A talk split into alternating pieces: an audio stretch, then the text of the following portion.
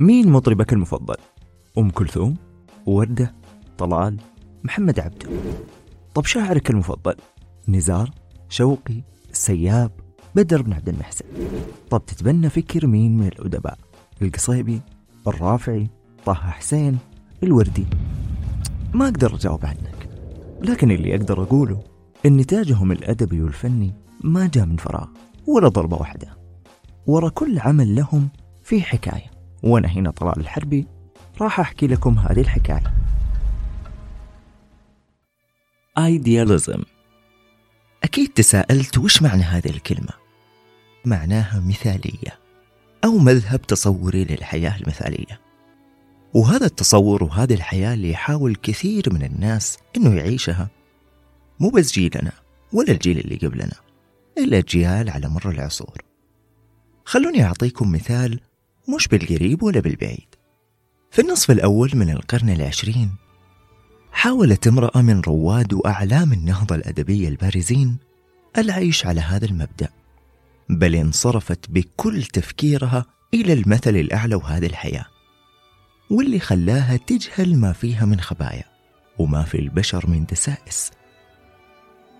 هذه المرأة كثرت حولها الأسئلة والروايات المعجبين والكارهين. المؤيدين والمعارضين بل والمتآمرين. وكل شخص ممكن يعطيك عنها حكاية ممكن تكون صحيحة وممكن تكون من الكيس. ماري إلياس زيادة. اصطحبها والدها المدرس اللبناني المغمور من لبنان مع والدتها الفلسطينية إلى مصر عام 1908 بحثا عن فرصة عمل في الصحافة وكانت ماري في ذاك الوقت في الثاني والعشرين من عمرها. شابة مليئة بالحيوية والحماس تعشق الكتابة والصحافة وتجيد اللغة الفرنسية إجادة تامة. ثقافتها رائعة قرأت لأشهر الكتاب العالميين والعرب. بدأت هذه الشابة تبحث عن عمل مناسب لإمكاناتها المتميزة وتستطيع من خلاله إنها تساعد والدها في بداية حياته الجديدة في مصر. وكان والدها في ذلك الوقت قد تعرف على إدريس راغب باشا صاحب جريدة المحروسة وعمل معه في الجريدة. وفي نفس الوقت قامت ماري بتدريس اللغة الفرنسية اللي كانت تجيدها لابنتي إدريس باشا. انتعشت بعد ذلك صلاة إلياس وزوجته وابنته وتوطدت بالوسط الثقافي في القاهرة. وبدأت ماري بالكتابة في جريدة المحروسة واختارت اسم يوميات فتاة عنوانا لباب ثابت كانت تحرره في المحروسة. كانت مي تختار الموضوعات الحية اللي يتجادل بشأنها الناس وتدفع بآرائها الحكيمة والجريئة في آن معا. فارتبط بها القراء وراحوا يبحثون عن كتاباتها التي كانت تمثل فكرا جديدا في مجتمع مغلق خاصة بالنسبة لنساء عصرها. كتبت ماري ديوان شعر بعنوان زهرات حلم باللغة الفرنسية. وكان هذا أول إنتاج أدبي لها أصدرته باسم مستعار هو إيزيسكوبيا وكان ذلك عام 1911 يعني بعد ثلاث سنوات من إقامتها في مصر. بعدها بدأت أنظار عمالقة الأدب والفكر في ذاك الوقت تتجه لهذه الكاتبة الصغيرة اللي أعلنت منذ بدايتها عن موهبة فريدة فقرأت بدأب ودرست الفلسفة الإسلامية واللغة والخط العربي والتحقت بالجامعة المصرية الأهلية لمدة ثلاث سنوات. كتبت خلالها في العديد من المجلات المعروفة إلى جانب مجلة المحروسة. ولما طلبت منها جريدة السياسة الكتابة فيها ابتكرت باب جديد في الصحافة المصرية أطلقت عليه اسم خلية نحل. فكانت تتلقى أسئلة القراء وتصيغها صياغة صحفية سليمة. ثم بعد ذلك تطلب من القراء جميعا أنهم يشاركوا في الإجابة عن الأسئلة.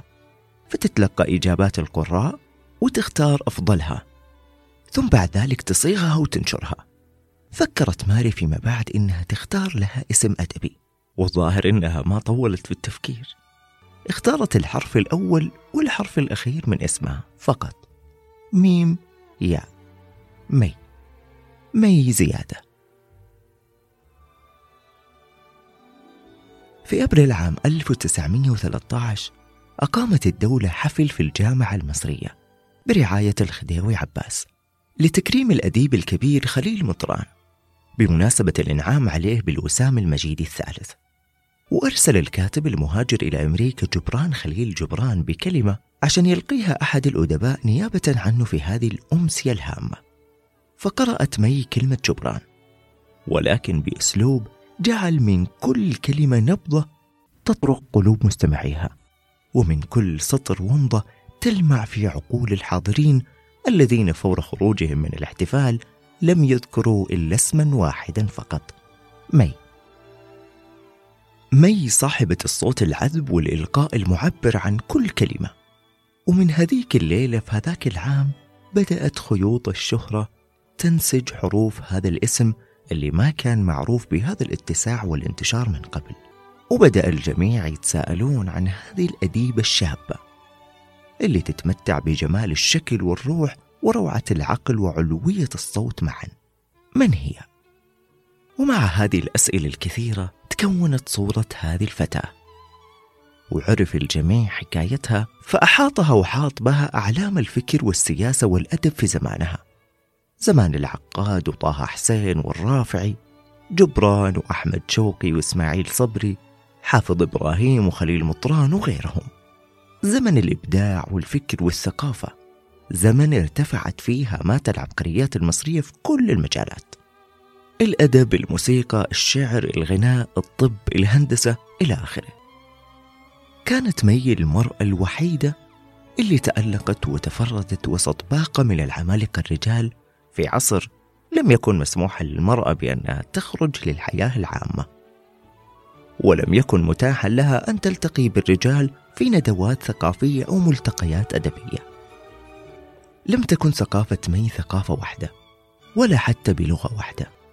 فقرأت بالإنجليزية والفرنسية والألمانية والإيطالية والعربية وتنوعت قراءاتها في فروع الثقافة المختلفة فلسفة أدب شعر فن تشكيلي موسيقى تراث آثار. في عام 1922 قدمت جريدة الأهرام لمي شقة في وسط البلد تقديرا لظروف معيشتها البسيطة اللي كان دخله من الكتابة فقط ولا كان بالقدر اللي يسمح لها بالسكن في مكان زي هذا. خليني أقول لكم إن مي تأثرت بتجربة مدام ريكامية أو المعروفة باسم جولييت. هذه المدام كانت شخصية مرموقة في المجتمع الفرنسي وحذت حذو مدام دوستايل.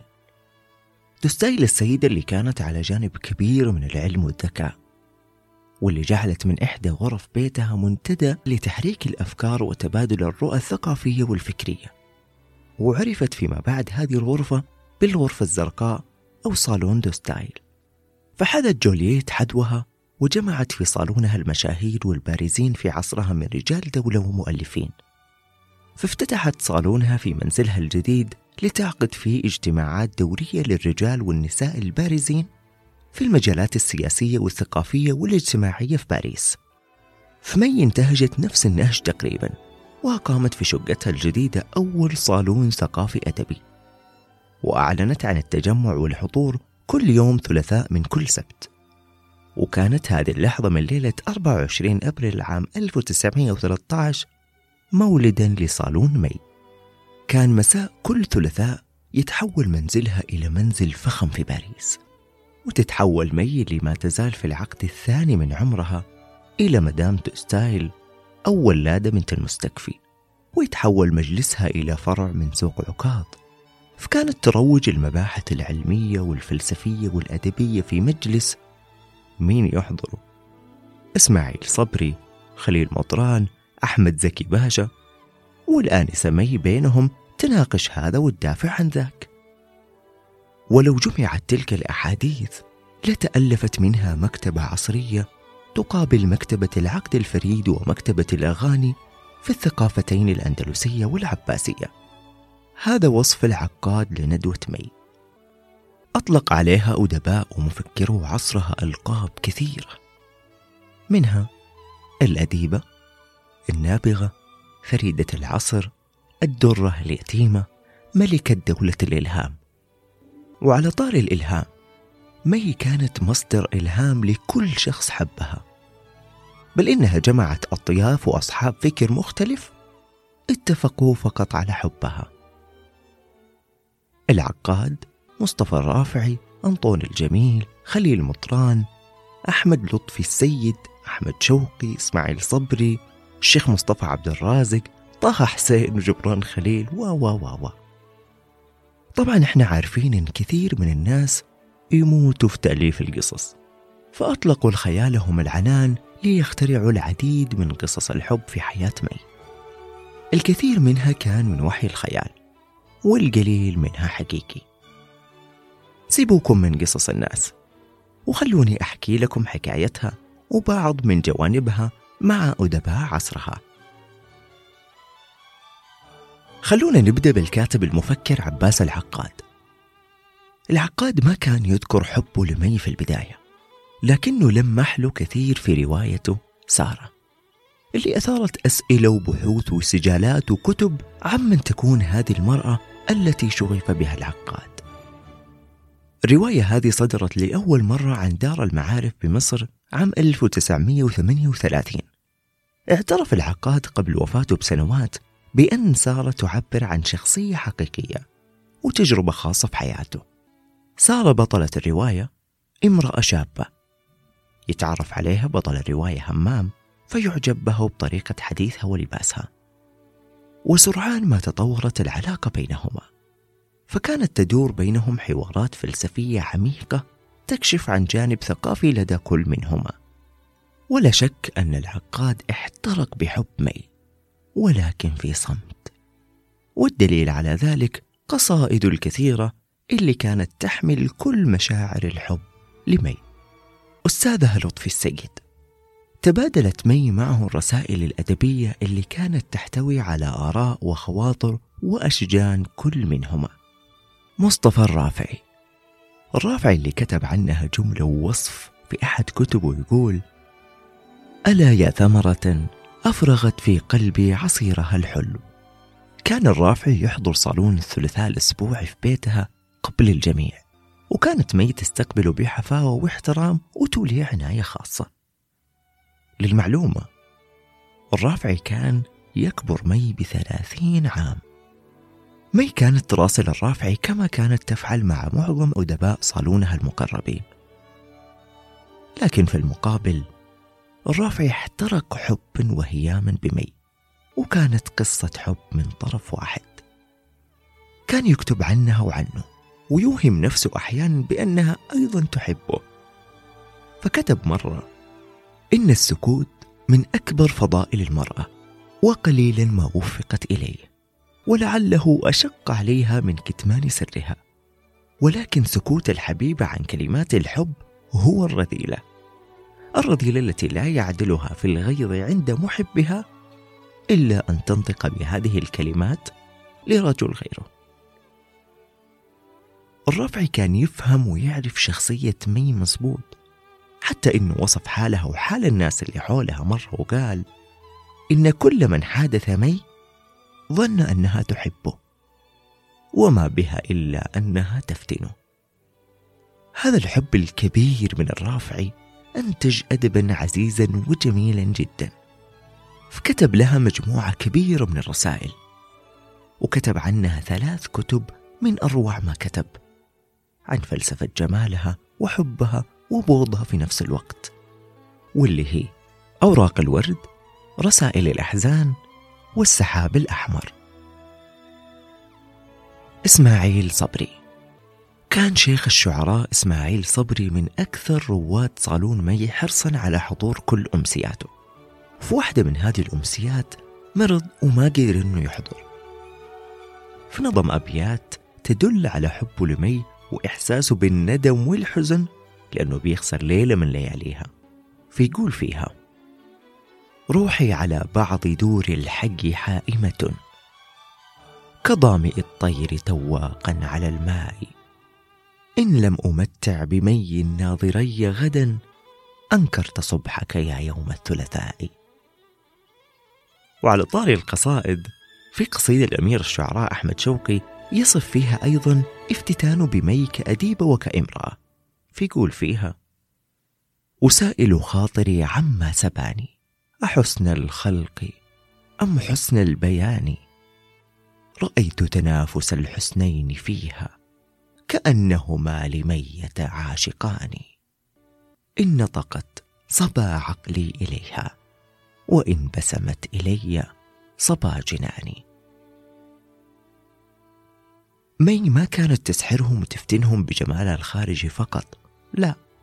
بل وبجمال روحها وعقلها وفصاحتها وثقافتها اللي ما كانت عند كثير من نساء عصرها. أحبوها جميعا وكلا بطريقته وأسلوبه وفكر مختلف. لكن مي كانت تملك داخلها قمر معتم. يملأ الفراغ والغربة. مي كانت تصرخ لكن صرخاتها كانت تدوم وسط صيحات الهتاف بمجدها. مي كانت تتألم لكن أوجاعها ذابت في شعاع الشهرة. كانت حيرتها إنهم يحبوها كلهم ويصارحوها بذلك.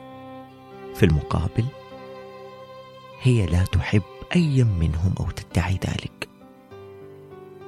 كان قلبها في مكان آخر ولم تشأ أن تعترف. الفجوة الرهيبة بين القلب والعقل. الحصار المخيف والانطلاق غير المحدد للفكر. المحافظة الشديدة مع التمرد والتحرر على كل أنماط الفكر التقليدي. هكذا جمعت مي بين النقيضين. ومن هذا التناقض الجوهري تولدت كل تناقضات مي الأخرى. وبسبب هذا الصراع الداخلي الرهيب انتهت حياتها المتوهجة بالفكر والنجاح والتألق لتلك النهاية المأساوية الحزينة. قصة مي قصة تراجيدية بكل ما تحمل الكلمة من معنى. قصة امرأة توهجت كالشمس كظاهرة فريدة في عصرها. التف حولها كبار مفكري مصر والعالم العربي واحترم فكرها وتبعوها الأدباء والشعراء ووقع في حبها الكثير منهم قلب مي كان دائما مغلق مغلق بإحكام في وجه الجميع ولم تشعر بالانتماء لأي واحد منهم أكيد في بالك تساؤل ليه هي مي ما حبت جبران؟ طب يعني جبران ما حب مي؟ هذا هو السؤال اللي الكثيرين حاولوا العثور على إجابة له ولا كانت الإجابة سهلة لأن علاقة مي وجبران علاقة فريدة في تاريخ الأدب العربي وكأنها إحدى أساطيره الغامضة بل وصفوا البعض بأنه محض خيال أو وهم جميل عاشوه عن بعد دون أن يرى أحدهما الآخر ولو لمرة واحدة في حياته. رغم توحد مشاعرهم وتقارب معاناتهم في الغربة والوحدة ورهافة الإحساس اللي تميزوا بها الاثنين حبوا بعض من خلال الرسائل المتبادلة بينهم. يعني على الورق فقط. ومع هذا كله في اختلاف كبير ما بينهم. مي امرأة شرقية محافظة حتى النخاع وجبران تعود على الحرية في كل شيء ومارس التعبير عن ذاته وإطلاق العنان لمشاعره دون تحفظ أو خوف. جبران كان يبغاها تحبه بنفس طريقته بلا تحفظات بلا تردد أو تعقل. تعيش الحب بجنونه. وتستجيب لنداء القلب والروح والجسد. خلينا نقول إن علاقتهم كانت علاقة مركبة يتداخل فيها القرب الوجداني مع المتعة الفكرية في الحوار المكتوب بينهم وتمتزج المشاعر النابضة في القلب بالإعجاب الصادر من العقل. بعد فترة وبعد ما شعرت مي إن الخوف تسلل لها توقفت عن الكتابة إلى جبران مدة طويلة. خافت يتعلق بقلبها وتتحول الصداقة الفكرية إلى حب معذب. تقوم الحرب العالمية الأولى فتتوقف المراسلة ما بين مي وجبران. من عام 1914 حتى 1919 ثم تبدأ مي في إرسال مقالات نشرت لها في جريدة المقتطف ويرد جبران عليها في خطاب أرسله مع بداية 1919 وترجع مي إلى التوقف والتراجع عن الاستمرار في هذه العلاقة اللي أصبحت تسيطر على وجدانها وتؤثر الانسحاب من هذا الحب المستحيل. ثلاث سنوات متتالية كانت حافلة بالمواجع والمفاجآت على مي. بدأت بفقد الأحباب واحد تلو الآخر. 1929 مات والدها وفقدت السند الحقيقي لها في الحياة. اهتزت مي بشدة لهذا الحدث.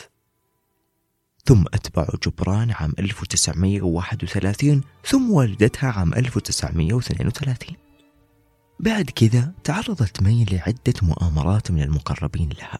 بعد أن استغلوا ضعفها وظروفها الصعبة وحاجتها للسند والعون. فأخذوها لبنان واتهموها عدة اتهامات أدت إلى وضعها بمستشفى الأمراض العقلية هناك في العصفورية. العصفورية هي كلمة شامية تعني مستشفى المجانين وإذا كان الراحل الكبير فيلمون وهبة أراد تخليد هذا المكان من خلال كتابة كلمات وتلحين أغنية على العصفورة للشحرورة صباح فهي دليل على أن ضغط الحب قد يؤدي بصاحبه إلى دخول العصفورية. والخضوع لعلاج نفسي جراء ألم العشق. ولا شك أن مطلع الأغنية أكبر دليل.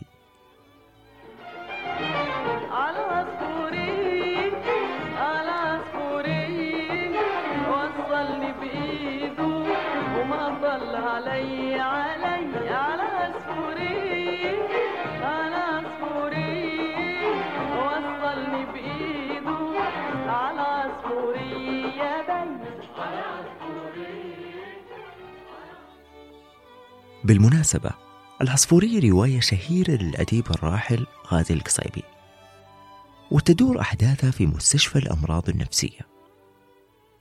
الرواية مليانة حوارات طويلة يغلب عليها القالب الساخر مليانة بمعلومات عن أحداث وشخصيات كبيرة ومعروفة سياسية فكرية وعلمية.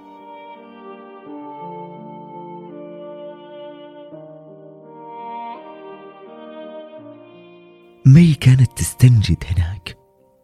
كانت تستنجد وتقول أنا ما عندي أهل. أبوي وأمي وأهلي هم الصحفيين هم الأدباء هم رجال القلم. أفما كان يجدر بكم أن تحيطوني ببعض العناية؟ عسى أن تخففوا عني وطأة الجنون. أنا امرأة قضيت حياتي بين قلمي وكتبي ودراساتي.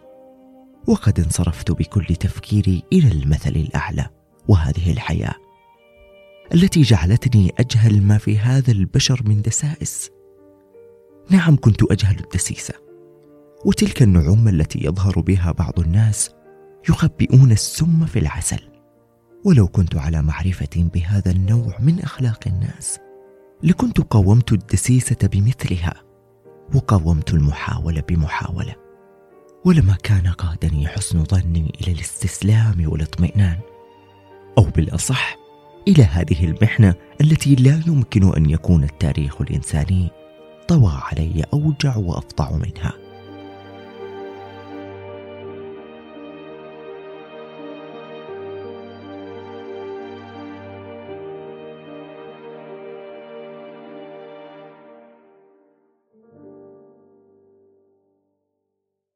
خلونا نيجي لأصعب موقف في حياة مي. في 22 مارس عام 1938 وقفت مي داخل الجامعة الأمريكية في بيروت بشجاعة ظاهرية وقلب كسير تتحدث وتلقي محاضرة أمام جمهور غفير من قرائها الذين جاءوا بدافع الفضول. طبعا يبغون يعرفون الحقيقة بأنفسهم بعد كل ما قيل وكتب عن مأساة مي وجنونها. البعض جاء وهو على يقين من جنونها والبعض كان بين الشك واليقين. والقليل جدا كان من المؤملين بكذب هذه الدسيسه أما هي فعليها أن تستجمع كل قدراتها على الإقناع والخطابه التي تميزت بها.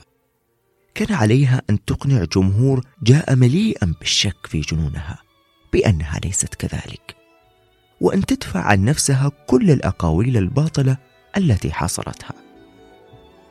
سحرت مي الجمهور وانبهروا بقدراتها التحليلية وثقافتها الطاغية وملكاتها الناطقة في ربط الأفكار اللي تطرحها بعضها ببعض ببساطة. فضجت القاعة بالتصفيق المتواصل الذي يفيض بالحماس والحب والتعاطف مع الأديب المظلومة. وأخذ الناس يقول بعضهم البعض معقول هذه مجنونة وقد جننا بها. وإذا كانت هي المجنونة فهل نحن العقلاء؟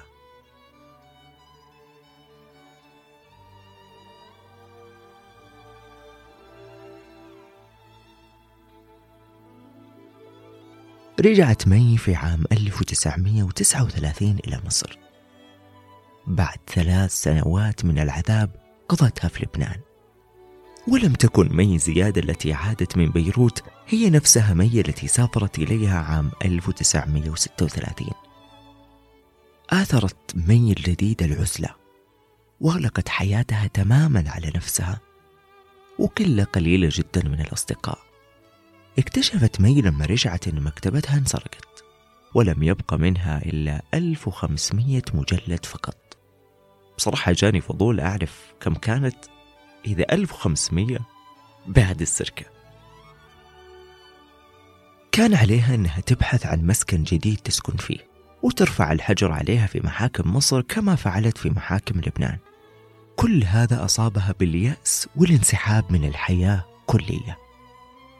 قبل وفاة مي بفترة بسيطة اتصل بها الدكتور طه حسين تلفونيا وطلب مقابلتها في نفس اليوم فقالت له لا. غدا؟ لا. إذا متى؟ قالت له لا تزورني أبدا. يا ساتر. قالت له أنا قررت أني ما أقابل أحد من الناس إلا رجال الدين. إذا تبغى أنك تشوفني فكن قسيسا. بالمناسبة مي كانت تعتنق الدين المسيحي. انطوت مي على نفسها وغرقت في استدعاء صور الماضي والبكاء على الأطلال واستحضار ذكرياتها مع الأحباب اللي رحلوا تركوها فريسة للدسائس والمؤامرات وهدف للطامعين اللي استغلوا نظرتها المثالية للحياة والبشر. وبدأ الانسحاب التدريجي من الحياة بفقدان الرغبة في كل شيء الطعام، الشراب، الحياة الاجتماعية بالكلية. فهزل الجسد وبدأت أجهزته تصاب بالانهيار إلى أن دخلت مي في غيبوبة ونقلت إلى مستشفى المعادي بالقاهرة. بذلت حينها جهود مكثفة من الأطباء لإنقاذ حياتها. لكن القدر كان قد كتب كلمته ونفذت إرادة الله. وفاضت روح مي في التاسع عشر من أكتوبر عام 1941 عندي سؤال. ما تحسون في تشابه كبير ما بين قصة مي وقصة ولادة بنت المستكفي؟ ولادة التي تردد على صالونها الكثير وعاشقوها الكثيرين. ولعل أشهرهم الشاعر ابن زيدون والوزير بن عبدوس. ولادة اللي اشتهرت بالفصاحة والشعر. كان لها أيضا مجلس مشهود في قرطبة بعد موت والدها. يملأ الأعيان والشعراء ليتحدثوا في شؤون الشعر والأدب. الشاعر الفصيح اللي احتفى بها مؤرخو الأندلس أكثر من أي شخصية نسائية أخرى في عصرها. هي أيضا ماتت وحيدة. ولم تتزوج من أي رجل قط. تارك خلفها قصة يستلهمها الشعراء والعشاق منذ زمنها الماضي حتى زمننا الحاضر. رحلت مي وتركت لنا حوالي 14 كتاب وعدد كبير من المقالات في مختلف الجرائد والمجلات. ويذكر أصدقاء مي المقربين أنها تركت أعمال مخطوطة أهمها ليالي العصفورية اللي سجلت فيها تجربتها في مستشفى الأمراض العقلية بلبنان. ويذكر جميل جبر أن هذه المخطوطة بقيت حتى اليوم مجهولة المصير. بينما تقول سلمى حفار إنها ما زالت محفوظة عند أقاربها في لبنان. لكنهم يرفضون السماح بجمعها ونشرها. خلوني أختم معاكم وأسألكم سؤال من كتابات مي. لو أرغمت على قبول أحد الثلاثة فأيهم تختار؟ الذي يعاديك علنا ويرجمك صراحا مؤولا كل حسنة فيك ومنقصا لك كل فضل؟ أم العدو المتقمص بثوب الصديق الذي يدس وراء كل ثناء ظاهر ضعفه من الطعن؟ أم الذي يبدأ بالثناء عليك أجمل الثناء ليصدق الناس بعد إذ افتراؤه بحجة ذلك الثناء المضلل شاركونا إجاباتكم وآراءكم على هاشتاج حكاية مي هذه كانت الحكاية شاركوا الحلقة مع غيركم ألقاكم في الحكاية الجاية وفي أمان الله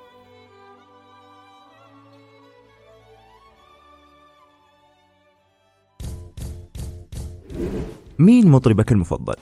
أم كلثوم؟ وردة؟ طلال؟ محمد عبده طب شاعرك المفضل؟ نزار؟ شوقي؟ السياب؟ بدر بن عبد المحسن طب تتبنى فكر مين من الأدباء؟ القصيبي؟ الرافعي؟ طه حسين؟ الوردي؟ ما أقدر أجاوب عنك لكن اللي أقدر أقوله إن نتاجهم الأدبي والفني ما جاء من فراغ ولا ضربة واحدة ورا كل عمل لهم في حكاية وأنا هنا طلال الحربي راح أحكي لكم هذه الحكاية